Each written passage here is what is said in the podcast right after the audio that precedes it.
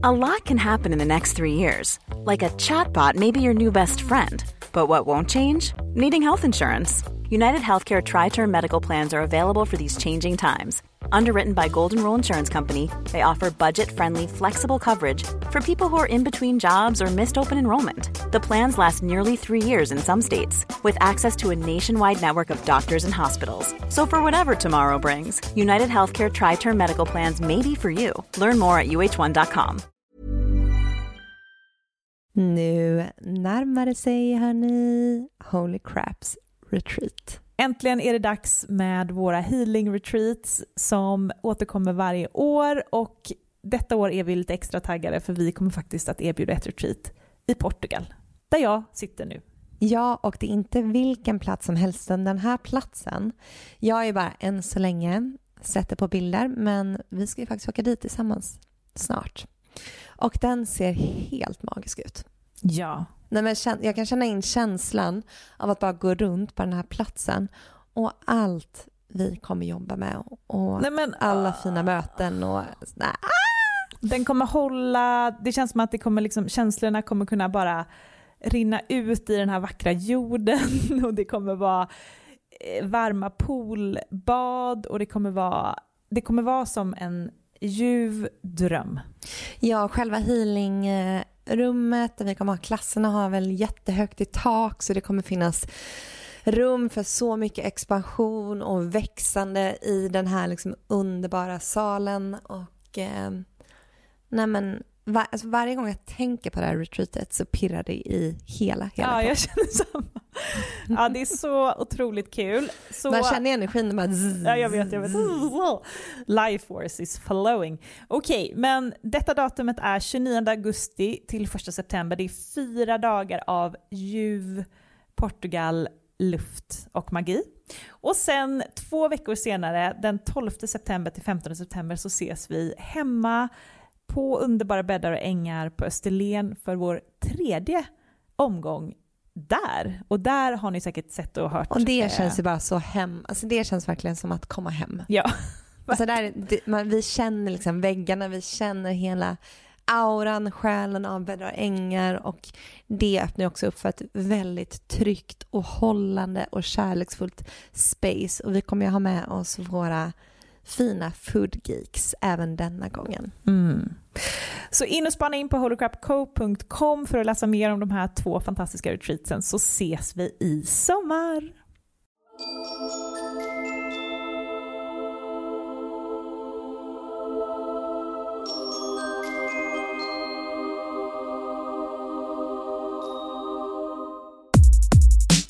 Hej och välkommen till ett nytt avsnitt av Crap Podcast med mig Amanda. Och mig Matilda.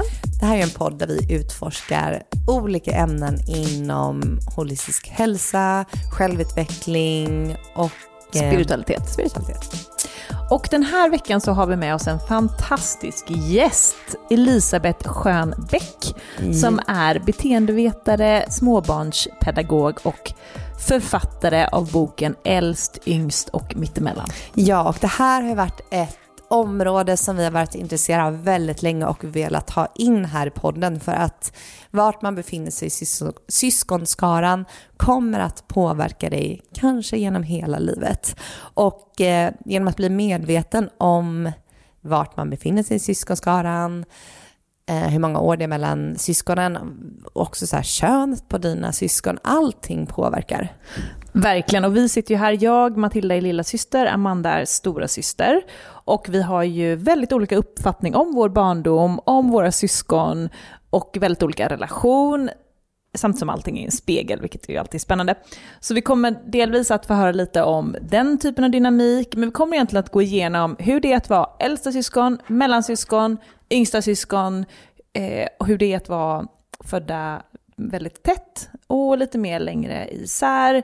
Och eh, allting kommer man, man kommer egentligen, du kommer känna igen dig. Även om du är ensambarn, kommer det här vara ett jättespännande avsnitt för dig. Precis, och jag tänker många som lyssnar kanske är i vår ålder, kanske födda sent 80-tal eller 90-tal. Och eh, det var en regel som infördes under just slutet av 80-90-talet som faktiskt gjorde att det ser ut som det gör idag, där man har syskon som är födda väldigt tätt i tiden. Och det här kommer Elisabeth prata om vad det innebär och eh, hur det kan se ut för oss. Kanske är det därför vi har prestationsproblematik. Mm. Ja. Vi kommer gå in på allt det här och Elisabeth är också otroligt härlig, bjussig, rolig att lyssna på. Vi satt och fnissade oss igenom hela avsnittet och verkligen njöt. Och vi tror att det här kommer bli ett sånt avsnitt som alla kommer vilja lyssna på. Alla kan relatera till något sätt, vare sig man har syskon eller inte. Vi pratar mycket om ensambarn, funktionellt ensambarn finns det också om det är så att man har många år mellan sina syskon. Ja, men det, det är en hel värld. Det här är ett avsnitt för varenda en. Så vi bjuder in Elisabeth till eh, samtalet. Varmt välkommen Elisabeth till Holocrap Podcast. Tack så mycket. Välkommen. Det här är ett ämne som vi har velat prata om väldigt länge, nämligen ens position i syskonskaran och hur det påverkar en själv. För att det påverkar ju, har vi förstått, hela ens livsuppfattning, livet i stort. Och du har ju också skrivit boken Äldst, yngst eller mittemellan som är en av de främsta böckerna inom just det här ämnet. Och vår första fråga till dig är en ganska stor fråga kanske, men hur mycket påverkar då vår plats i syskonskaran våra liv? Jag tycker ju att den påverkar enormt mycket och det har visat sig att om du är då först född, dit räknar amerikanarna både äldst och enda, alla andra är senare födda. Och det har visat sig att eh, eh, yrkesval, vi har ju till exempel inom hela eh, vår politik, de är ju äldst eller enda allihopa utom längst ut på vänstersidan. Åsa Romson, Miljöpartiet, hon var ju lilla syster. Men Kristersson, Ebba Busch Thor, alla de gamla, Anna Lind, Mona Sahlin, you name it, allihopa är äldst. Jimmie Åkesson är enda barn. Så att så är det bara. Och eh, Bill Clinton, Obama, enda barn. Hillary Clinton, stora syster till bröder. Så, och sen väldigt många av de som är med i Idol är tvärtom. Eh, de är ofta småsyskon som är mer kreativa och så vidare. Så att jag tycker det stämmer väldigt bra på yrkesval, sen stämmer det på partnerval. Och det tror jag sker helt omedvetet. Det är ingen som har tänkt på att det är så, men, men om man som jag är stora syster till två bröder, då är jag ju van att, att ta hand om små bröder. Och då brukar sådana som jag gifta sig med lillebror, det har jag också gjort. Och min man, han är lillebror till en syster, så han är van att lyda eller protestera mot vad stora syster gör och säger. Det här är så intressant för att mm, jag har haft eh, två långa förhållanden och båda har varit med killar, små, eh, småbröder till stora systrar. Okej, okay, och det är du som är, eh, har Och jag två... är då Amanda som är äldst stora syster med en lilla syster och en lillebror. Ja, Nej, men det är ja. ganska typiskt. Sen så när det inte blir så, då talar man om rangkonflikt och könskonflikt. Alltså detta ämnet är stort kan jag säga. Och rangkonflikt kan det bli. Nu säger inte jag att det alltid blir så, men det kan bli det om två stora syskon gifter sig med varann. För då är ju båda vana hela sin uppväxt att mamma ber dig gå och handla, för småsyskonen klarar inte det. Och om båda är så, då blir det lite jobbigt om båda ska börja bestämma och tycka att jag gör det bäst, du ska låta bli. Men nu pratar du om mina föräldrar. Mamma, du som alltid lyssnar på podden, det här är spännande, eller hur? Ja. Och det kan... stora syskon? Två stora syskon som eh, har, har gift sig. Och jag har det också har jag bara... också. Mina föräldrar är också två Aha, stora syskon. Nej, men är de det? Ja, och ja, festligt, ja. Kan också bli mellan föräldrar och barn.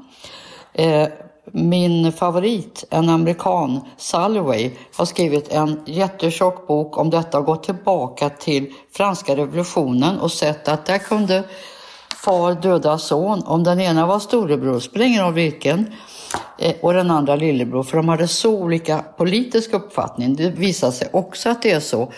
Äldst och enda är oftare mer konservativa, röstar oftare mer konservativt. Även religiöst är de mer konservativa. Medan småsyskonen är de mest radikala. Och där såg också Salway, han gjorde en stor undersökning i USA. Det var en våldsam politisk demonstration. Och de allra värsta hamnade i polisbussen, åkte till polisstationen och det var bara småsyskon. Det är de som ska förändra världen, ändra alltihopa. Här har vi också min familj igen. Gud vad det stämmer överens. Ja, ja gud det här är så roligt. Och eh, så kan man dra nytta av det här med rangkonflikt. Vi hade till exempel en rysk barnhemspojke hos oss i några somrar. Och han var storebror till bröder. Det blev alltså konflikt med min äldsta son. Det var två storebröder. Vår yngste son, det gick bättre för han var ju van att ha en storebror. Så, så där ser man om man ska adoptera barn eller hur man nu ska göra. Och även om man ska skaffa en ny partner och säger ska vi gå hem till dig eller mig eller var och en för sig. Då tycker jag istället man skulle fråga vad har du för barn hemma? För tänk om båda två har en 15-årig duktig stora syster och så flyttar de ihop. Vem ska ge upp sin identitet? Just det. Mm. Något att tänka Gud, på. Intressant. Gud vad intressant. Men jag undrar, så här, nu börjar jag direkt tänka på mina gamla olika relationer jag haft. Och jag har ju ofta dragits antingen storebröder, absolut, eller då ensambarn. Ja. Varit många ensambarnsmän i mitt liv. Ja. Och jag är ju då lilla syster. Ja. Är det för att ensambarn och stora syskon har lite samma energi? Ja, de kan vara för lika ibland. Och då har du antagligen haft en eh, endabarnspojke som har varit van att tagit ansvar. Och då tar han ansvar för dig som är lilla syster. För det, mm. Alltså detta, nu ska jag försöka förklara det här med enda barn är inte lika allihop. Men om vi gör en skala och så sätter vi babyända barn här nere och vuxenända barn här.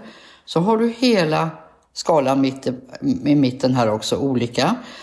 Men vad de alla har gemensamt, det är att de har mer gemensamt med varann än med något annat barn som har syskon. Men om vi då tar babyenda barnet så tror jag inte det är sådana du har träffat. För att de blir uppfostrade att vara bebisar hela sitt liv. Och mamma och pappa springer ut som två lakejer till sin 40-åriga dotter vid busshållplatsen för hon glömde väskan. Ja, mamma och pappas lilla bebis. Eh, så så kan hon bli. Och därför tror jag inte dina killar var sådana, för då hade det varit jobbigt för dig. Och sen har vi motsatsen, det är vuxenända barn. Och det är skrämmande när man hör. Jag har ju haft väldigt mycket lektioner bland blivande småbarnspedagog som jag själv är och det är oftast förskollärare som ska lära sig eh, ta hand om de här små barnen 0 till 3 år. De lämnar vi ju inte bort för. Och då var det en flicka som berättade att hon var väl kanske 2-3 år när pappa försvann. Och eh, jag kommer inte ihåg hur han försvann men hon såg väl inte honom så ofta. Hon och mamma gick och köpte en fralla varje lördag och söndag i bageriet och dela. Hon sa hon hade icke ätit överdelen på en fralla från hon var över 20 år. För som två-treåring kände hon på sig att lilla bebisen mamma får välja först. Och lilla bebisen mamma valde först. Mm. Ja, mm. att man tar för mycket och blir en, en vuxen redan som ett barn. Ja, mm. och det kan mm. drabba just enda barn som äh, i det fallet. Sen kan det ju bli också äldsta barn om, om man har bebisföräldrar och är äldst i syskonskaran, ja vem ska ta ansvar? Det får ju bli äldsta barnet då. Mm. Ja, nej, men det här är så intressant. Jag tänker att många som lyssnar på podden är ju födda på 90-talet, en stor del av våra lyssnare. Och ofta har man väldigt tätt mellan sig och sina syskon. Men kan du inte lite berätta varför ser det ut så här och hur har det påverkat vår generation? Ja, eh, det är ju förhållandevis nytt. Jag vet inte riktigt när det infördes. Men eh, mina söner är födda på 80-talet och jag tror det började komma redan då.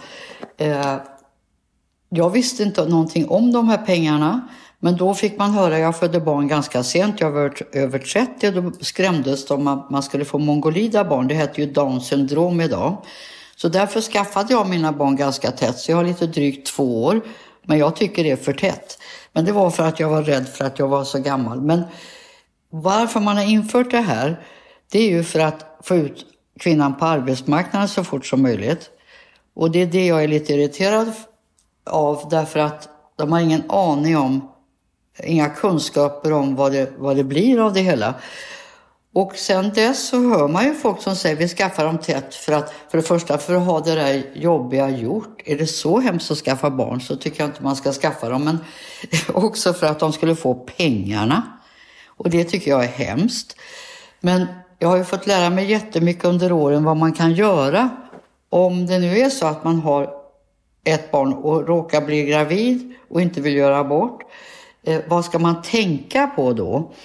Jo, eh, då sätter man äldsta barnet på skötbordet och så lägger man upp bebisen och så håller man som danskarna säger fackligt möte med äldsta barnet.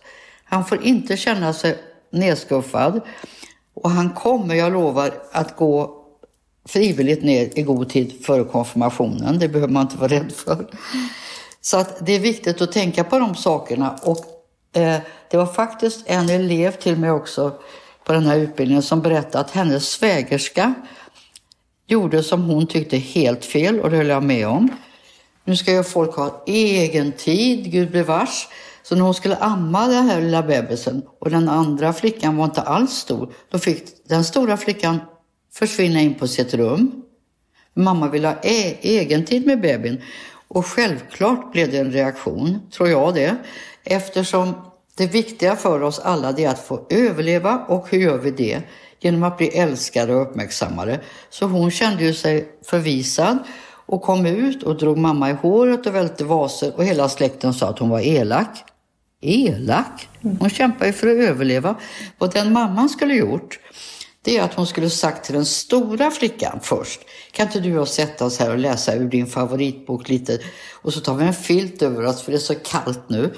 Ja, kommer hon att säga då. Och sen säger man, och så kan väl lilla syster vara med här samtidigt. Och så är alla problem lösta. Åh, jag blir helt rörd. Ja. Hur känner du som stora syster till då en sån liten, blir inte du, känner du att det här, känns det i dig? Ehm, Känns det i ditt inre barn? Du kanske inte kommer men- ihåg hur det var? Nej, jag kommer ju inte ihåg hur det var, men jag vet att eh, mamma, hon var väldigt liksom, involverad, även om vi är väldigt tätt. Liksom, vi är födda 90, 92, 93, så det är ju verkligen liksom, pseudotvillingar Ja, alla tre. ja. Eh, men det jag vet att hon var ju väldigt liksom, inkluderande. Hon var ju hemma sex år med oss alla tre och så. Men sen har det väl fortfarande satt spår i att jag var liksom äldst och jag fick en eh, syster när jag var 19-20 månader tror jag var. Eh, så det är klart att jag fick då liksom kanske växa upp och bli den liksom så här duktiga stora systern som hjälpte till Ja. att ta hand om mina småsyskon.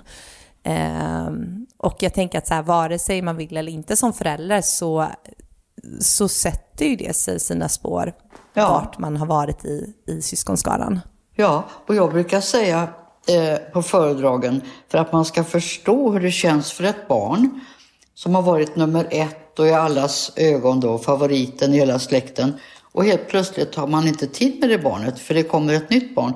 Då brukar jag säga att eh, om det är kvinnor som lyssnar på mig, hur tror ni ni skulle känna när ni kommer hem från den här föreläsningen och så säger er man att det ska flytta in en ny här nu. Men eftersom du är så van här hemma kan väl du ta ett rum där längre bort så får den här lilla nya flytta in till mig. Så är det ju verkligen. Det är ju helt översättningsbart. Ja, och jag kan säga ett exempel eh, där det inte var så tätt men där föräldrarna uppträdde helt fel i alla fall. Det var Ingmar Bergman. Ni väl, även om ni är unga så vet ni vem han var. Absolut. Och han har skrivit en bok som heter Laterna Magica. Och den skrev han när han var i 70-årsåldern, tror jag. Och han beskriver ändå det här traumat från när han var liten. Han har en äldre bror, fyra år äldre, och så kom Ingmar. Och Ingmar låg i mammas säng varje natt, ända till fyra år senare när det kom en syster. Då åkte han ut över en natt. Och, alltså, så kan man ju inte göra. Och då, som han skriver i boken, han sket på golvet, han grät och skrek och alla bara sa att han var besvärlig. Men sen en lite rolig sak i det hela, det var att storebror var ju också lite svartsjuk då. För nu blev han ju åsidosatt, detroniserad hette det, nedknuffad från tronen en gång till som äldst. Och då bestämde han att den här lilla feta, äckliga grisen kallar de henne, hon skulle, dö. Hon skulle dödas. Och lillebror skulle sköta det hela, alltså Ingmar. Men han gjorde fel. Han tryckte fel, så hon dog aldrig. Men Matilda, det här låter ju precis Nej, men som, som mina för dig. bröder ville ju döda mig när jag var barn. Jaha. Det- Vi är ju då två år emellan, så jag är född 90 och sen har vi 88 och 86. Och eh, jag upplever det verkligen som att jag var... Ja, men jag, de hatade mig. Och eh, jag berättade Ja, precis ja. för Amanda, jag tänkte att jag kan berätta det här också för er lyssnare. Det var vi... När vi skulle åka på, till exempel hälsa på farmor och farfar och åka på släktkalas och sådär, så kom vi med bilen och då hoppade mina föräldrar ut för de tänkte att om vi går ut så kommer väl barnen till slut. De sitter väl inte här? Nej men då satt jag i mitten och så satt mina två elaka bröder på varsin sida. Och sen så, när, så fort mina föräldrar hoppade ur, då började liksom eh, misshand, misshandel, tortyren. Så då eh, satt jag fast, jag kom ju ingenstans. Så började de, du vet, göra tusen nålar, kittla mig, slå mig, samtidigt som de skrattade eh, liksom ihjäl sig då. För att de två var ju ett team mot Ja. den här. Och jag grät och skrek och ingen hörde mig, mina föräldrar hade gått ur bilen. Och du vet, det här är sånt trauma jag känner i hela kroppen. Jag minns paniken och jag har ju nästan inga minnen från min barndom, så det här var ju verkligen en... Men det kommer du ihåg? Detta jag, kommer ihåg, jag kommer ihåg utfrysningen som skedde på daglig basis, där mina bröder gick ihop mot den här lilla jävla liksom, skitungen som de ville eliminera ur livet. Men du, var det så att, att de, dina föräldrar kanske längtade efter en liten söt flicka? Och så kom Ja. du och, och så fick du allt detta då? Uppmärksamheten kanske? Jag tror, jag tror kanske att de tyckte att det var lite kul att få en tjej efter två Ja. söner. Ja. Och så blev det automatiskt, eftersom att jag var så utfryst av mina bröder, så blev det att jag gaddade ihop med min mamma. ja. Och då blev det ju väl kanske ännu värre, tänker jag. Ja, då jag blir det ju ännu värre. mamma. Precis. Ja. Ja. Så, så är det. Och vi har ju precis tvärtom. Vi är ju två stora systrar som sen, eller vi är två systrar som sen fick en liten lillebror. Ja. Som också mamma tog i sitt försvar när de två systrarna höll på att reta och trakassera den här stackars lilla lillebror. Och jag vet att eh, när han var åtta år så berättade morfar att han hade suttit, min morfar att han hade suttit i bilen eh, tillsammans med min lillebror Lukas. Och sen hade han frågat Lukas, hur mår du? För att han har suttit och sett ganska dyster ut i baksätet. Och han var väl, ja men kanske sju, åtta år. Och då sa han, nej, jag har haft det tufft hela mitt liv. För att han tyckte att vi, hans stora syster var så hemska. ja, det är inte lätt för någon. Men det Nej. finns ju olika förklaringar för olika positioner där. Vi Och kanske ska gå in på det lite. Ska vi prata lite om hur det är då att vara stora syskon, mellansyskon och lilla syskon? Ja, det kan vi göra. Och, ja, så känner eh, alla igen sig i någon position. Då. Precis. Och så vill jag bara säga först att det är några saker som är jätteviktiga att titta på. Det är framförallt åldersskillnaden. För det kan vara tre syskon som är tre enda barn. Just det. Om det nu är väldigt många år emellan, då är det inte äldst, mellan och yngst, utan då är det tre enda barn. Och vad är den åldersskillnaden? Ja, jag har sänkt den till eh, nästan fem år.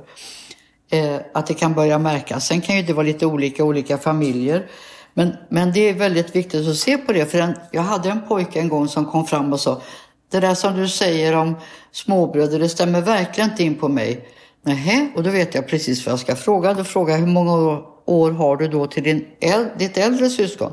Ja, då var det ju åtta år. Ja, men då är du ju inte lillebror. Då är det ju, som heter då, funktionellt får man lägga till, enda barn. Alltså fungera som enda barn. Därför är åldersskillnaden, om man intervjuar folk och vänner och så, jätteviktigt att titta på vad de verkligen är. Många, när de kommer till mig, de vet inte riktigt var de står i syskonskaran. På så vis. Och så var det med Margot, Margot Wallström, om ni kommer ihåg henne. Jag satt i ett tv-program med Malou von Sivers och så säger Malou, nu ska jag snart träffa Margot Wallström och då ska vi höra var hon står i syskonskaran. Ja, det vet jag, säger jag då. Så säger jag att hon är stora syster. Då sitter hon och gör så här. För att hon har två Hon, äldre hon, bröder. eh, Nick, hon, vad heter det, hon skakar på huvudet alltså. Ja, hon tyckte inte alls att hon var stora syster. Hon hade två äldre bröder som var mycket, mycket äldre. Och sen gick det många, många år och så kommer hon och sen syster. Så hon är ju stora. Man kan vara två grupper i fa- familjen. Vad tror ni Margot Wallström, är hon ensambarn eller är hon äldst eller yngst eller Jag mittemellan? vet vad hon är. Du vet vad hon är? Ja. Vad är hon då? Hon är som alla de andra ministrarna äldsta barn. Ja. Funktionellt. Men hon har syskon, Margot Mm. Wallström. Så hon tror kanske själv att hon är mellanbarn. Men de syskonen är en egen grupp här Okej. uppe. Och sen kommer hon som är stora syster till en lilla syster. Vad intressant. Vad mycket du visste om Margot Wallström. Då ska jag fråga henne om det stämmer, om hon känner igen sig i den positionen i syskonskaran. Det där är ju bra att ha med sig då, när man pratar om olika... Eh, mm. Ja, men om vi tar en typisk äldst så är det ju så, eh, alltid undantag förstås, men så är det ju så att det är den som är duktig och hjälper till. Och när de får ett syskon så säger mamma och pappa, åh du är jättestor nu. Och för att då få behålla uppmärksamheten så blir man ju ännu duktigare. Eh, och för att konkurrera ut den här lilla bebisen. Och det gör att väldigt många stora syskon faktiskt är duktiga. De kanske inte är lyckliga. Eh, men de är duktiga, de tar ansvar och under de 20-25 år som jag har hållit på med detta, när det ringer något företag och de ska be mig komma och hålla föredrag. Ja, har det varit två gånger kanske på 25 år som det har varit ett småsyskon. Sen säger jag inte att de är sämre, men det är inte de som gör detta, utan i så fall, oj, skulle jag göra det? Alltså lite så. Eh, så stora syskonen tar det här ansvaret, vilket är väldigt jobbigt för dem. Har ni sett filmen Masjävlar? Nej, faktiskt inte, men jag vet ju om vilken film det är. Ja, alltså den filmen skulle man kunna se i studiesyfte. Tre systrar från Dalarna. Äldst stannar naturligtvis hemma närmast gården, mamma och pappa.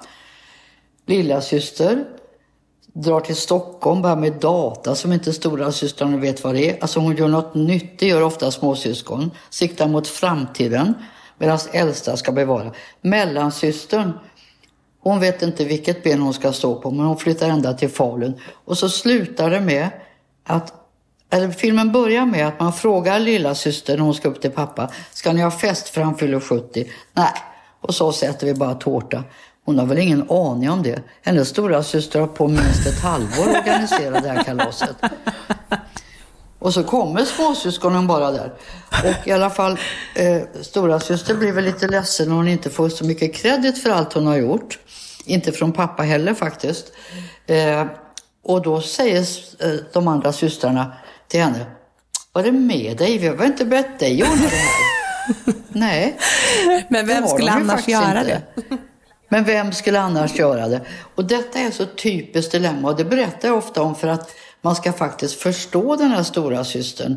För det första att hon behöver lite kredit och sen eh, att hon kanske inte alls hade lust att stå på scenen en gång till som hon tror. Och vad hon har lust att bara visa sig själv. Nej, hon blev ju tvungen.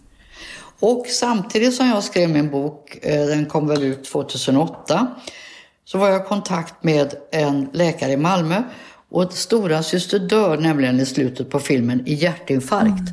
Och då berättade den här läkaren att stora syskon dör oftare i hjärtinfarkt eller får problem med hjärtat eh, än de andra. Vad intressant. De har förtryckt sina känslor. För de tar så mycket mer ansvar.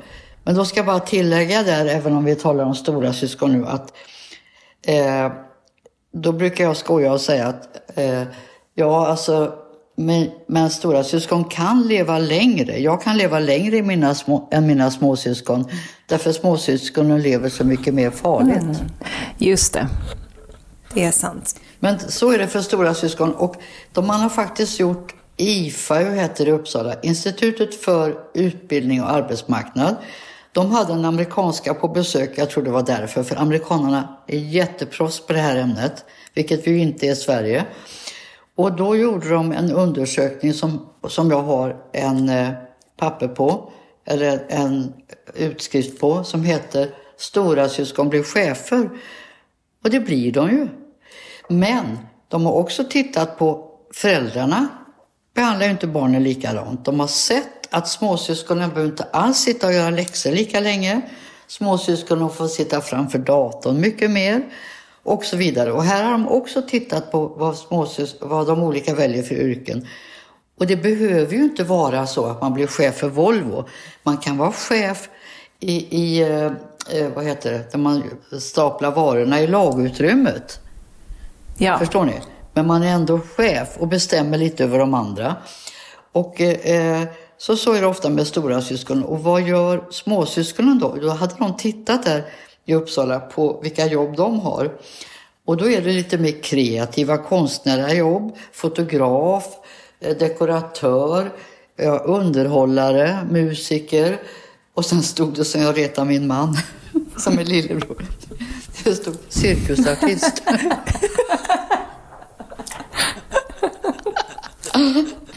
Det är inte så många storebröder som är det. Min storebror som cirkusartist.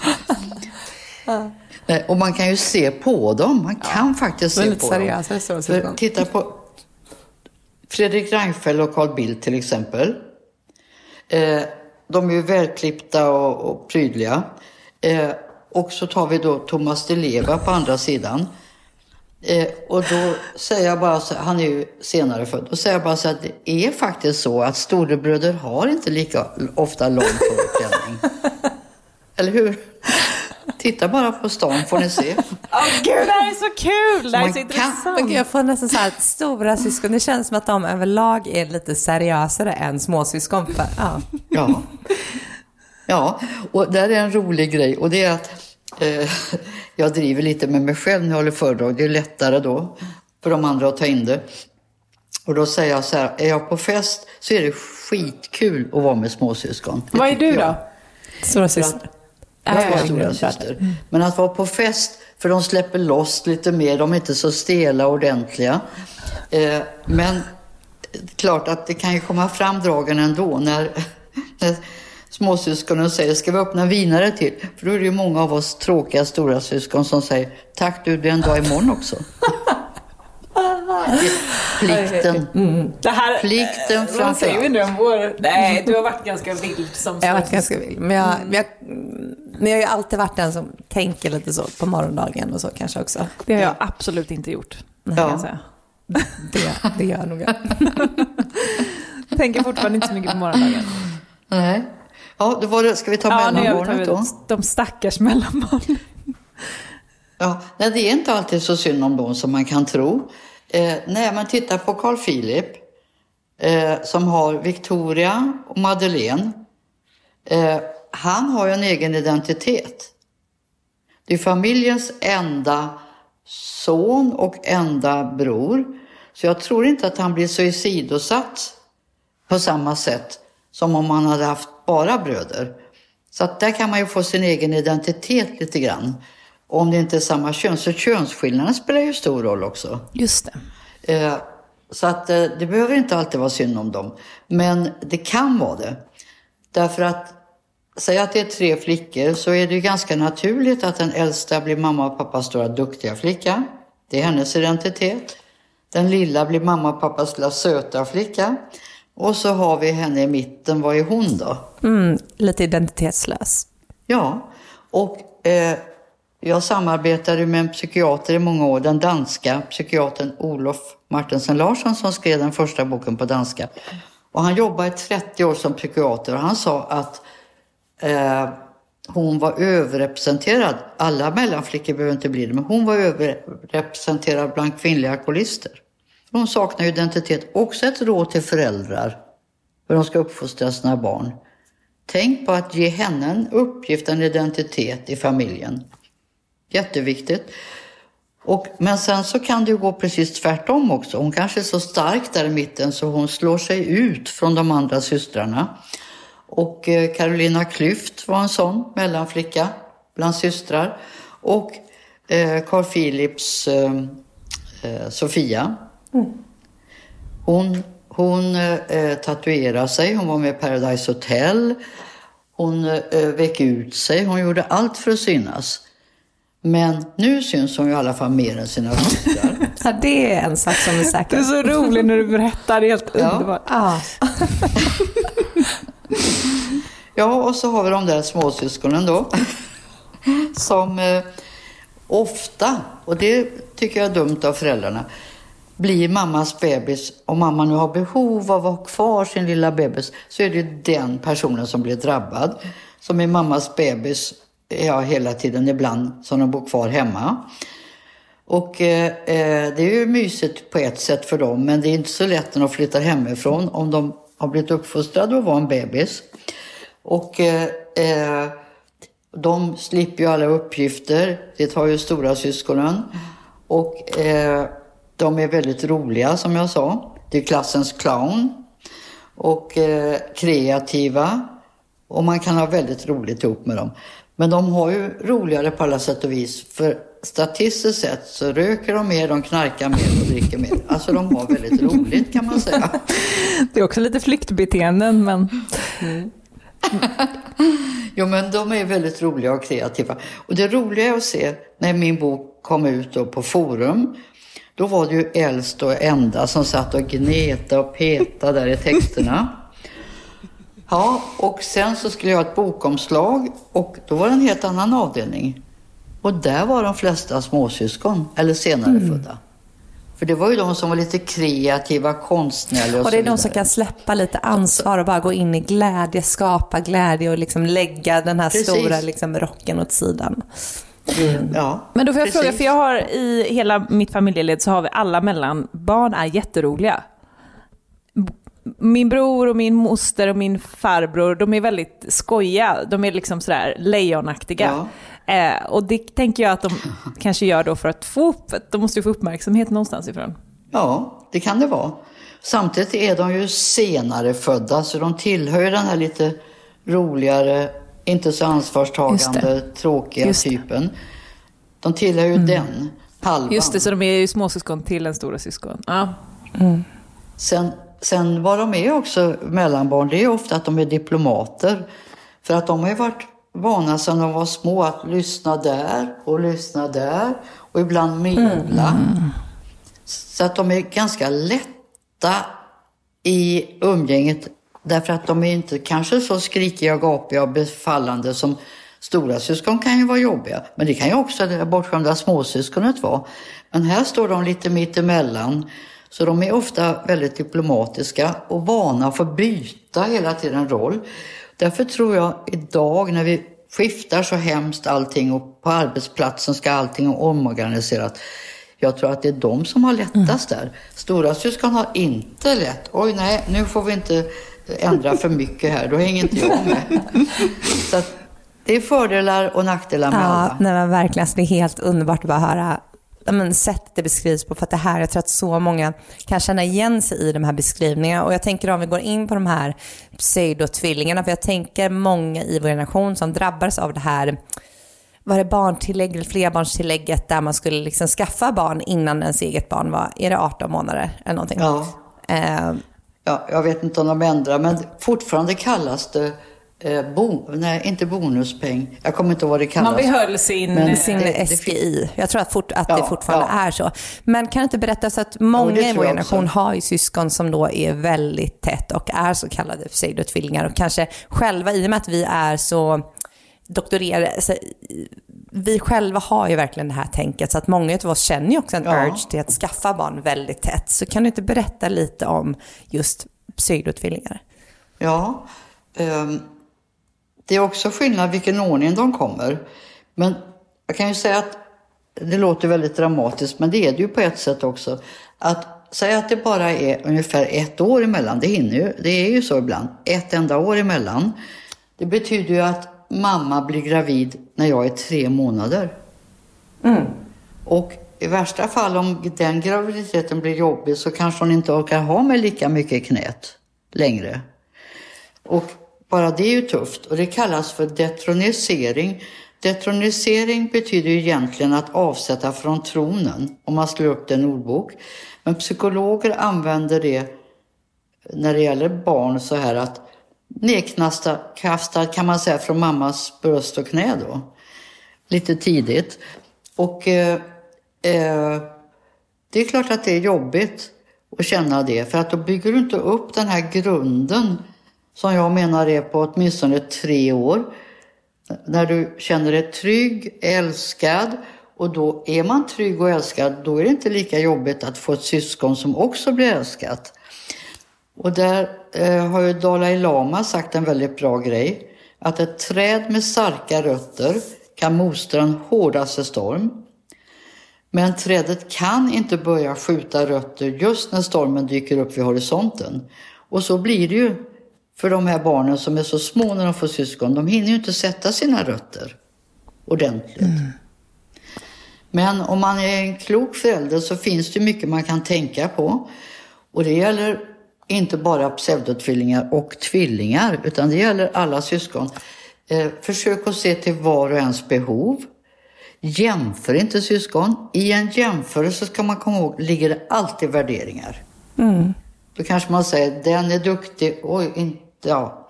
Så, så att jämför aldrig. Och tänk på en sak, idag när föräldrar är så stressade. Kör inte båda två till fotbollen. Tänk om den yngsta är bäst på fotboll. Ska den äldsta stackaren tvingas där och känna att lillebror är mycket bättre än jag. Det kanske inte är hans grej att spela fotboll. Han kanske blir bättre på fiol. Och då får han bli mästare på fiol och lillebror på fotboll. Och så slipper man jämföras. Så att det tycker jag är jätteviktigt att man inte klumpar ihop barnen för att bli av med dem på fortast möjliga sätt på samma idrottsplats. Det kan man ju också tänka på, utan försök att titta vad varje barn faktiskt är intresserad av och vad de har för talang. Så man utnyttjar det. Mm. Ja, wow. Men det är, det är typiskt grej. det här samhället där vi inte har så mycket tid. Att sådana där saker ja. känns kanske utmanande för, ja, för många. För man hör ju också, det är så många som säger det här, som, precis som du nämnde innan, att så här, det är bäst att vi får översöka eh, småbarnsåren så vi skaffar två eller tre barn väldigt tätt så blir vi av med liksom, småbarnsåren ja. snabbare. Um, utan att kanske ha den här kunskapen om hur det påverkar barnen att växa upp väldigt tätt. Och föräldrarna. Förr i tiden när man, när man tänkte själv och hade sunt förnuft och inte gick in på en dator och kollade vad man skulle tycka. Då var det så att man sa att en mamma ska ha minst en barn och amningsfri sommar. För mammans mm. skull. Hennes kropp. Eh, dels det för mamman och sen kan jag säga relationen mellan makarna. Att ha två blöjbarn, det kräver sin man. Och ska man dessutom göra karriär, alltså det är helt sjukt. Det går inte. Nej. Det går inte. Inte att göra allting bra. Du kan göra, ägna dig lite åt dina barn och lite karriär. Men du kan inte ägna dig 110 procent åt båda grejerna. Det går ju inte. Nej, och det här är så intressant för att jag har ju en, han är två och ett halvt år nu, min son August. Och jag har ju haft en tanke hela om att jag vill ha barn som är väldigt tätt i ålder för att det är så som det ser ut hos mig och alla mina kompisar som har syskon att det, det är väldigt tätt, liksom ungefär ett och ett halvt till två år emellan. Så det känns som att lite vår generation, framförallt 90-talister, är lite, som jag sa innan, det är lite det tänket som vi kommer in med. Eh, men sen när man kollar på hur vårt liv ser ut, där båda har två jobb som kräver liksom sin sin tid och energi och att bo i Stockholm där det är ganska hög energi och allting. Så att om man kollar på hur vårt liv ser ut så skulle det passa mycket bättre att ha några år mellan barnen än att köra in dem så himla tätt. Så att vi har faktiskt gett upp tanken om att mm. ha tätt mellan barnen och jag har gjort så mycket research nu kring vilken generellt sett skulle vara den bästa åldern mellan. Så vi har landat i att vi kanske vill ha tre och ett halvt upp mot fyra år mellan första och andra mm. barnet. Mm. Och vad skulle du säga om, finns det, kan man generellt sett säga att det finns en, en, den bästa åldern för syskon? Ja, tre och lite mer eh, är, om man ser vetenskapligt, sen kan det ju fungera helt olika olika familjer, men det är den bästa för då blir det inte den här svartsjukan. Och eh, mamma hinner med att ge det första barnet, mamma, även pappa, men i början är det i alla fall mamma, det är i alla fall hon som mamma kanske. Eh, den tid det behöver. Och, eh, så, och sen så kan man få tänka det här med Ingmar Bergman. Det kan bli så om man väntar för länge så kan det bli så att nummer ett, och det har jag faktiskt upplevt eh, i bekantskapskretsen, eh, några som det första barnet fick så otroligt mycket uppmärksamhet. Alltså barn ska ha det, men det här kanske var nästan too much. Och då blir det ju en chock när det barnet får syskon, även om det inte är så tätt. Precis, det finns ju en, alltså vågskålen går ju åt båda håll tänker jag.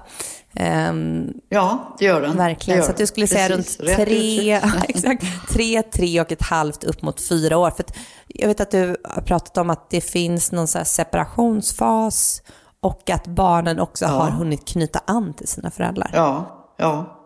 Och det är ju viktigt det här med anknytning. Jag bara får slänga in det eftersom jag är småbarnspedagog. Alltså det var en mamma som sa till fröken i förskolan och hur man kunde med att säga det, det förstår jag inte. Men det visar att hon inte hade fattat något. Hon sa så här att när Kalle vaknar på natten och drömmer mardrömmar så ropar han inte på mig, han ropar på fröken. Oj. Och det hade jag som mamma inte velat ha det så. Att den viktigaste personen i mitt barns liv, det är på förskolan. Mm. Men det var väl kanske bra att hon sa det, att hon fick uttrycka det. Så att... För det är ju lite ja, ångest jag... kopplat till det, tänker jag. Ja, men jag tror ändå inte... Alltså, jag undrar om hon fattar vad det innebar. För att hade hon då berättat det... Jag hade skämts att berätta ja. det. Mm. Man kan ju mäta detta med anknytning på olika sätt. En del tror ju att är, man är jättebra förälder. Om man har BMW så sätter man på barnen Gucci-skor och så åker man till Val d'Isère och umgås en hel vecka på året. Men det är kanske inte det som är det viktigaste. På fullt allvar så finns det de som tror att då är de jättebra föräldrar. Man kan leva ganska fattigt men ändå ha det tryggt och, och kärleksfullt. Alltså hundra procent. Barn behöver, det enda ja. barn behöver är ju trygga och kärleksfulla föräldrar. De bryr sig inte om var de bor eller liksom var de åker på semester. Nej. De vill ju bara ha det tryggt och kärleksfullt. Det känns också väldigt typiskt storasyster att du har gjort research kring hur många år det ska vara innan. Jag tänker, jag hatar ja. research och hade ja. säkert bara kört på i det läget. Men, men, med rätt föräldrar så kan det bli ganska bra hur Precis, det än blir. det får vi komma ihåg. Och med dåliga föräldrar så hjälper det inte med alla förutsättningar. Nej. Och det här, jag tänkte på det här med skilsmässor eller, eller hårt jobbande föräldrar. Det är ju inte som jag sa det här med eh, kvaliteten på den korta tid man träffas utan det är snarare att man kanske träffas mer regelbundet och att det är mysigt den stund man träffas. Och sen är det ju inte så heller att alla frånskilda föräldrar har sämre kontakt, det behöver de inte ha. Det finns frånskilda föräldrar som har otroligt bra kontakt med sina barn och ger dem mycket tid. Medan det finns de där båda bor kvar hemma som aldrig är mm. hemma. Men det är ju väldigt inne på tapeten nu med det här conscious parenting och conscious um, uncoupling, det vill säga att medvetet skilja sig från varandra och se till liksom familjens bästa, barnens bästa, hur man ska liksom behandla en skilsmässa på bästa sätt för barnen. Så det är väldigt fint. Det ser vi väldigt mycket av det här med att fortsätta prata väldigt fint om den andra föräldern. Man kanske kan se till att umgås hela familjen trots att man är skilda lite då och då. Så att, mm, det är väldigt fint att den här kunskapen kommer ut just om hur det påverkar barnen. För att vi pratar mycket här i Holy Crap när det kommer till programmeringar om att man blir programmerad från dess att man är liten. Och hur ser det ut? När får barn sina programmeringar? Ja, det börjar ju redan 0 till 3 år. Det är ju väldigt viktigt. Det är de livsviktiga första åren. Och sen fortsätter det naturligtvis. Eh, och mycket, det märker man på väldigt många människor eh, om de har idéer och, och så här är det och så. Det kanske inte alls är så, men det har de lärt sig hemma. Så man präglas ju väldigt mycket. Det gör man ju av, av sin uppväxt. Och om man är älskad i sin syskonskara eller om man är den mobbade. Allt det där påverkar ju naturligtvis. Hur tror du det har varit att vara lite mobbad i syskonskaran? Hur tror du att det har påverkat? Nu pratar du för din egen. Det är klart att det är jättejobbigt. Och är man mobbad i skolan så kan man ju fly hem i alla fall. Men blir man mobbad hemma också, det är ju fruktansvärt. Och jag var med i ett tv-program som handlade om detta. Det var med Malou von Sivers. Och där var det en kille som menade att han var mobbad därför att storebror eh, lurade till sig en ledig dag istället för att gå ut med hunden. Men det kallar jag för liksom typiskt syskonbråk. Det är så vi blir socialiserade, att vi lär oss och blir lite retade och, och retar tillbaka och så. Men det får inte gå fullständigt överstyr. Alltså jag har försökt att se definitionen där på mobbing, men det är ju om ett en person hela tiden. Det är inte så att man retas lite fram och tillbaka utan hela mm. tiden är det en som blir mm. utsatt. Mm. Då börjar det bli illa och då får man ju hoppas att föräldrarna märker det också. Och det upplever jag verkligen inte från min barndom utan där var jag väldigt kavat tillbaka. Och, det var eh, kavat, eller vad Ja, men jag hade inga problem att slå tillbaka och skrika tillbaka och retas tillbaka. Nej, nej, och, nej. Eh, jag blev ju snarare väldigt tuff av det och det tycker jag känns faktiskt ganska härligt. Småsystrar till bröder är ofta ganska tuffa. Mm. Det är de faktiskt. Ja. Ja. De är svåra att sätta på plats. Ja, det kan man nog säga. Jag har, både, jag har ofta en, eh, ja, ett kort i rockar, men jag vet hur jag ska ta mig an de flesta situationer. Och du vet hur du ska ta killar också ju. Ja, både och. ja. Jo, men du vet ju det genom att du ja. har de här två bröderna, så du har ju lärt dig ändå. Det lär man sig också under, när man formas under hela uppväxten. Eh, och där kan småsyskon, om de har många syskon, vara jättebra, för de har ju suttit och lurpassat och hört och lyssnat på syskonen mm. och vet precis när de ska slå in en mm. kil. Eh, de har ju lärt sig av det. Mm. Jag tänker, hur är det, för att min, jag tänker att det kanske finns tver, fler tvillingar som lyssnar, vi har inte gått in så mycket på just tvillingar, för att min man är tvilling. Han har en stora syster som är ja. mm, ungefär nästan tre år äldre. Och sen så har han en tvillingbror och han är född fyra minuter äldre eller före sin tvillingbror, så att han säger, kallar sig själv för storebror. Men hur är fallet där mellan tvillingar? För det är väldigt, jag brukar alltid säga till honom att du är ju en lillebror, men då säger han alltid nej, jag är en storebror för att min, jag är född fyra minuter innan min bror. Nu kan du hälsa honom att jag ser inte så att den som kommer ut först är den äldsta, för det handlar om några minuter. Utan det är andra saker som spelar roll. Eh, ofta är de ju väldigt lika. Är de enäggs? De är tvåäggstvillingar och jag skulle säga att när jag jämför ja. dem båda så tycker jag att Eh, de har lite olika kvaliteter, men jag tycker att eh, min man känns mer som en lillebror än hans eh, bror som har mer storebror-kvaliteter. Ja, för det brukar bli så att det delar upp sig, även bland tvillingar.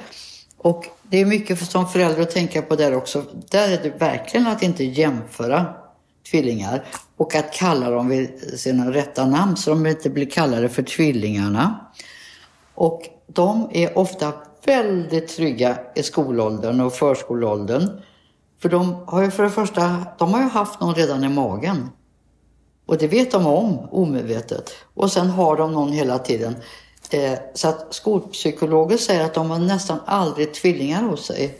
De har ju någon mm. hela tiden. De har ju sin Och det vet jag att min svärmor pratar om att de var ju alltid, när de kom in i ett rum var ju de, de syntes och hördes mest för att de var ju så trygga att de andra barnen kanske var lite blyga, lite tillbaka, men de två kom in där och bara ja. tog för sig för att de kom där som liksom en, en duo. Precis, precis.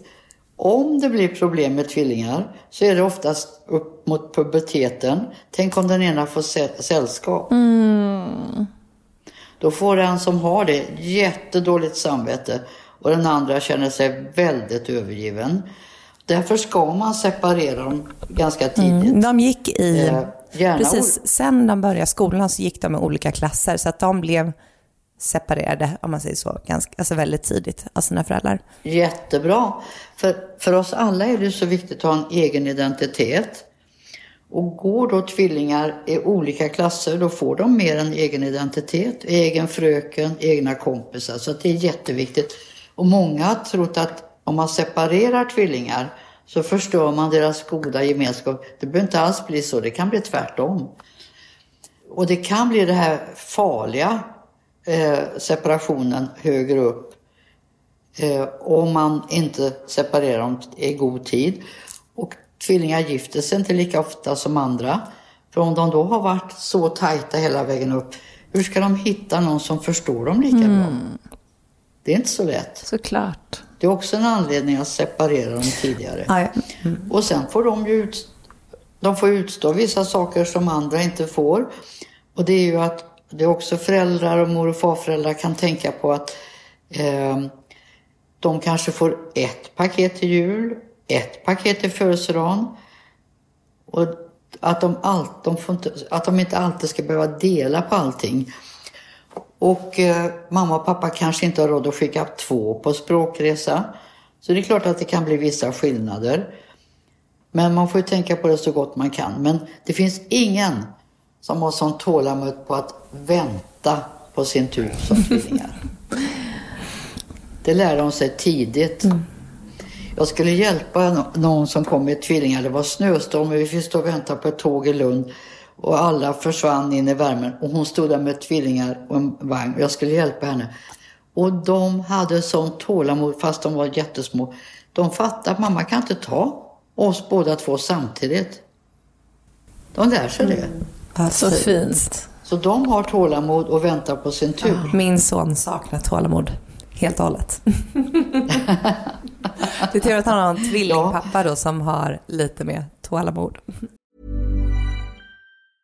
Cool fact a crocodile can't stick out its tongue. Also, you can get health insurance for a month or just under a year in some states. United Healthcare short term insurance plans, underwritten by Golden Rule Insurance Company, offer flexible, budget friendly coverage for you. Learn more at uh1.com. Hey, it's Ryan Reynolds, and I'm here with Keith, co star of my upcoming film, If, only in theaters, May 17th. Do you want to tell people the big news? All right, I'll do it. Sign up now and you'll get unlimited for $15 a month in six months of Paramount Plus Essential Plan on us. Mintmobile.com slash switch. Upfront payment of $45 equivalent to $15 per month. Unlimited over 40 gigabytes per month. Face lower speeds. Videos at 480p. Active Mint customers by 531.24 get six months of Paramount Plus Essential Plan. Auto renews after six months. Offer ends May 31st, 2024. Separate Paramount Plus registration required. Terms and conditions apply if rated PG. Gud, ibland läser man, jag tycker de är så roliga de här artiklarna när man läser om tvillingar som träffar andra tvillingar och så blir de ihop och så föder de... Ja, det är vanligt. Föder, ja, är det vanligt? Så föder de barn som ser likadana ut och så är det liksom som att man lever i en sån kvartett då hela livet. Ja, ja men det är jättevanligt. För jag berättar ju att tvillingar inte gifter sig lika ofta som andra. Då finns det till och med tvillingars, ett par då, två tjejer till exempel, som åker runt på tvillingkongress för att träffa andra tvillingar. Aha, det är den perfekta grejen ju om man inte vill separera sig. Ja. Nej, men att träffa någon som också är tvilling, då förstår de varandra bättre. Det är som två enda barn, de kan förstå varandra bättre mm. också. Just det. Mm. Ha. Ja, det här är så intressant. De förstår ju att, ja, de förstår ju eh, att eh, den andra inte heller vill vara att man kommer att sabba på den personens rum. Det fick ju vi som har syskon lära oss, mm. eller hur? Att allting kunde vara sabbat när man kom hem. ja, verkligen. När min pappa var enda barn och han blev fullständigt vansinnig om jag hade lånat något av honom och lagt tillbaka det, kanske hamnade en halv centimeter för långt till höger. Men jag menar, vi som har syskon, vi är ju jätteglada om det ligger där alls och om det är helt. Alltså, verkligen. Det vet ju du som har systrar. Jag har inte haft ja, det problemet. Gud vad vi har bråkat om kläder och lånat och äh, ja. hållit på. Men något vi också tycker är roligt att så här, eh, både jag och Matilda hörde vid matbordet att det, här, att det var en ständig kamp om att hinna ta en andra portion innan maten tog slut. Så man äter ju så ja. snabbt och liksom så här, bara för att få den andra portionen. Och vi äter ju fortfarande jättesnabbt, Men, både jag och Amanda. Men du, jag ska säga detta missar ju enda barn.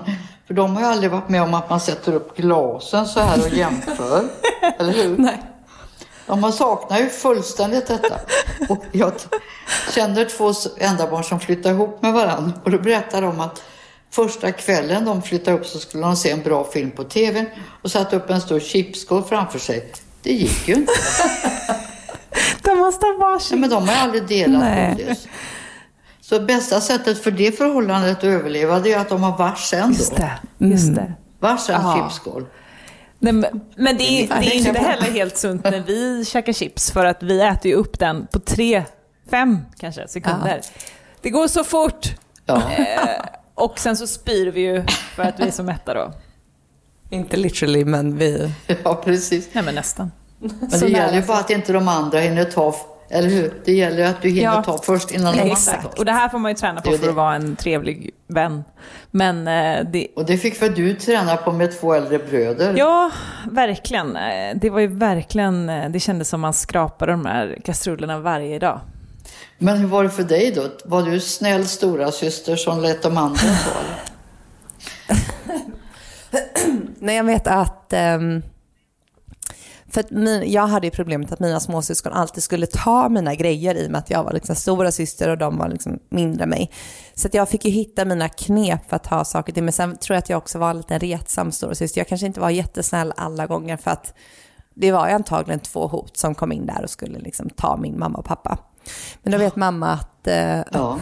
det var någon bilresa så, så satt, hade vi fått varsin tablettask och sen så sa jag till mina syskon, nu ska vi se vem som kan äta upp det här godiset snabbast. Och sen så hällde de i sig godiset i princip, så låtsas jag äta upp allting. Och sen när man hade ätit upp sitt godis så satt jag kvar med hela min tablettask och åt en och en bara för att reta dem. för att ge igen för allting antagligen som de hade tagit från mig och liksom gjort då. Ja. Usch. Och jag som var väldigt snäll storasyster, jag minns ändå en sån händelse där jag lurade min yngsta bror när vi hade fått lika mycket godis. När jag hade ätit upp min, mitt godis så lurade jag honom att jag var hund. Mm, mm, så ville ha godis. Då malde han mig. Så bra. Ja, gud vad roligt. Jag kan känna det. Alltså, det där har jag säkert också varit med om. Jag kan känna känslan av skam över att man blev lurad som småsyskon. Alltså verkligen. Mm, men någonting som du berättade. Men ett, ja, förlåt. Berätta. Nej, jag tänkte bara berätta om ett brev jag fick apropå det här med om man, hur snäll man är. För då var det en flicka som hade två äldre bröder, precis som du. Och så sa hon att, eller hon skrev att när hon ska visa ett papper för sin chef, så vän, eller han för henne, så vänder han det så hon ska se det. Och då sa hon så här att du behöver inte vända pappret upp och ner, jag kan läsa upp och ner. Och så sa hon att hon, när hon hade spelat spel med sina två äldre bröder så hade de alltid hållit papperna så bara de själva, reglerna, så bara de själva skulle se det. Så för att överleva hade hon varit tvungen att läsa, lära sig läsa upp och ner. Och så frågade hon mig då, eh, detta kan väl inte stora syskon eller har du undersökt detta? Men jag är ju stora syster till bröder och har varit snäll. Så mina småbröder kan inte läsa upp och ner. Jag har ju hållit så de ser. Alltså jag vet inte om jag projicerar nu men det känns som jag också kan läsa upp och ner. jag måste Ja. testa. Ja, du har säkert fått... Gud vad roligt det här är. Så att, ja. Ja. Ja, men någonting som du berättade för oss, som jag tänker att du också måste berätta för lyssnarna, är ju det här med om man är en son så får man en syster. Alltså om man är en pojke så får man en, så får man en syster. Att det kan vara också lite jobbigt då, särskilt om man kommer tätt. Alltså om det kommer först en pojke och sen en flicka. Ja, ja. Just det, pseudotvillingar. Det är alltid jobbigt för ett barn att känna sig undanskuffad. Men det kan bli ännu jobbigare om det kommer först en pojke och sen en flicka. Och det beror på att flickor utvecklas snabbare och fortare tidigare. Så ganska snart så blir hon minst så duktig som han. Och då, det kan man ju inte förvänta sig av en sån liten, så då får hon jättemycket beröm att hon är så duktig. Och då får hon så mycket självförtroende så hon blir ju ännu duktigare. Det är bara synd om honom då som känner sig liksom jagad och oh, jag kan inte detta och han blir mer och mer osäker stackaren. Och så säger föräldrarna, ja men kan du inte detta? Titta på din lilla syster. Älskling. Ja, så väldigt ofta, det såg man också eh, från Uppsala där, eh, träffade jag en kille som hade börjat titta på just detta med att betygen kan vara bättre från tvåan än från ettan, vilket det aldrig har varit förr. Och det är ju den här förklaringen då. Att eh, eh, speciellt om det är en kille som är först och flicka sen, Just det. så kan hon köra om honom och då kallar jag henne stora syster. Funktionell. Hon fungerar som en stora syster och han som en lillebror.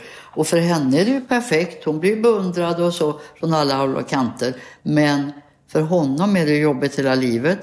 Med förväntningar att han ska vara någonting som han inte är. Men det kanske vi ska säga generellt då kring äh, vi på 90-talet, för vi har ju väldigt mycket prestation i, mest prestationsproblem, utbrändheter och eh, jag tror nästan alla kvinnor i alla fall jag känner har prestationssår. Eller den här duktiga flickan. Eh, Och det kanske delvis har med det här att göra, att vi har de här täta syskonrelationerna. Eh, eller Ja. alltså att vi har fötts tätt. Dels det, och sen är det hela tiden vi lever i som jag tycker är förfärlig på det sättet. Eh, Och sen är det ju också många stora systrar som känner detta. Som den här läkaren sa, de är mycket mer pressade. Men, men eh, eh, tiden vi lever i tycker jag är hemsk. Att vi ska hinna allt. Och vi ska vara bra föräldrar, vi ska gå på gym. Vi ska se alla filmer, vi ska läsa alla böcker och vi ska ha karriär på jobbet. Alltså, det tycker jag är jättejobbigt. Mm.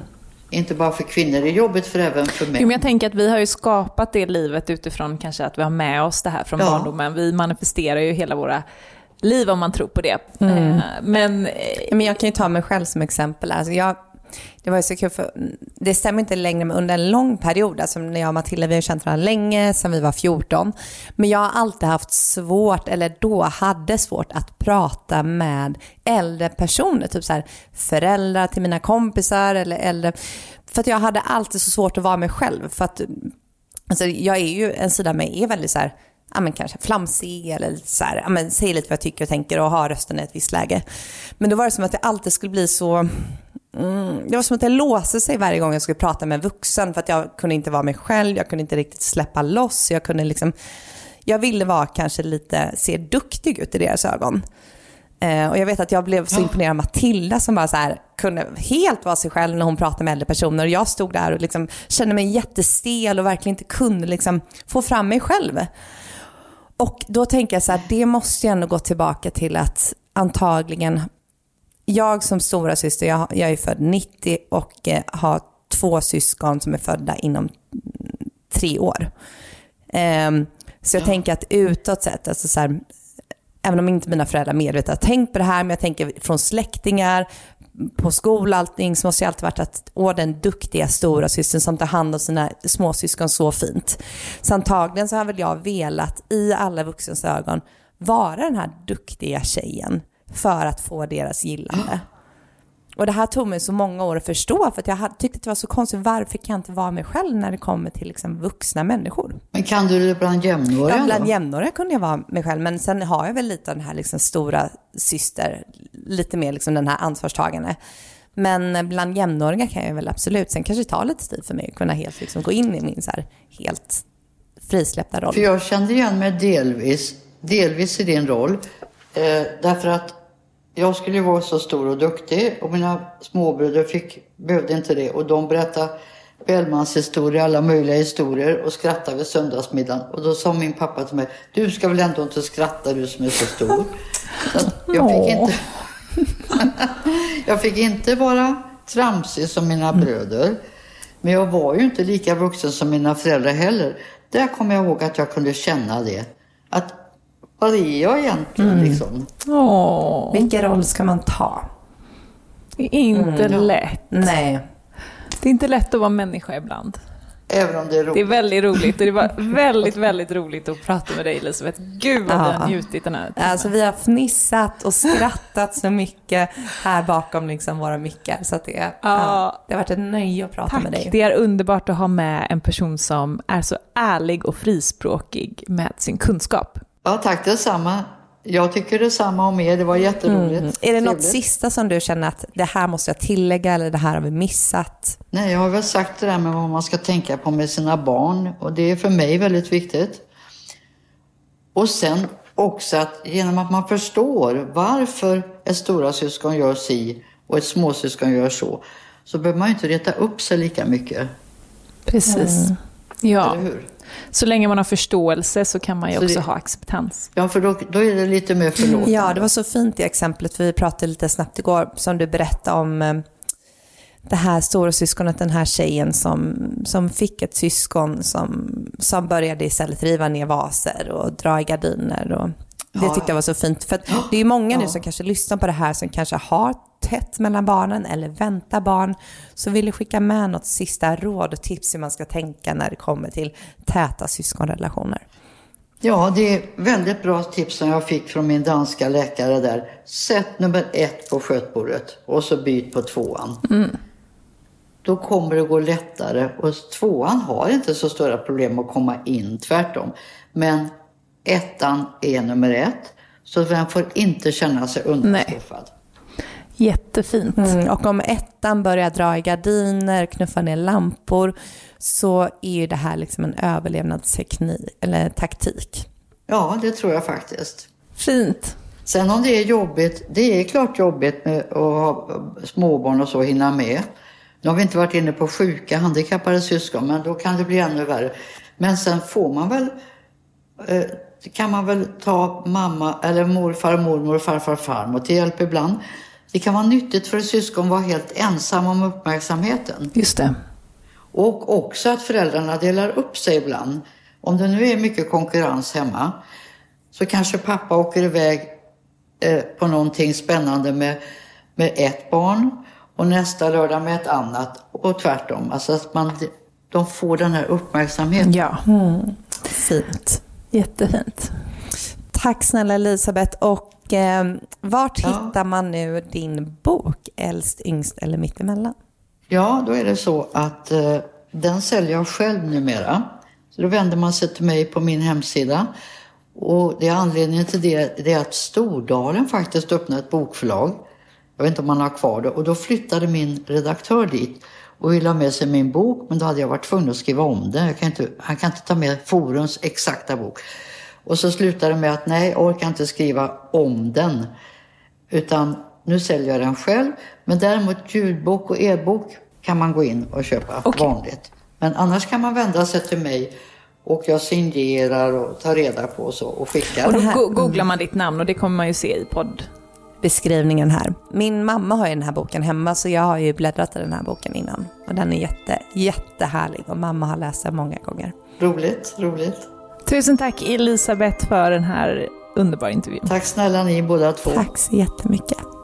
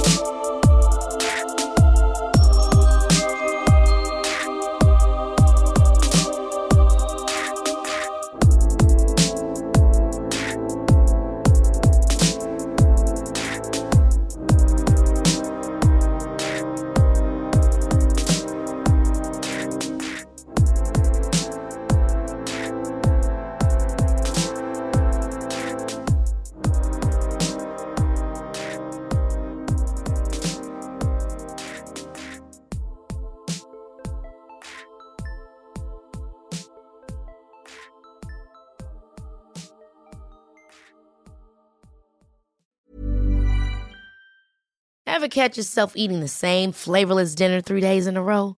Dreaming of something better? Well, HelloFresh is your guilt-free dream come true, baby. It's me, Kiki Palmer. Let's wake up those taste buds with hot, juicy pecan-crusted chicken or garlic butter shrimp scampi. Mm. Hello Fresh. Stop dreaming of all the delicious possibilities and dig in at HelloFresh.com. Let's get this dinner party started.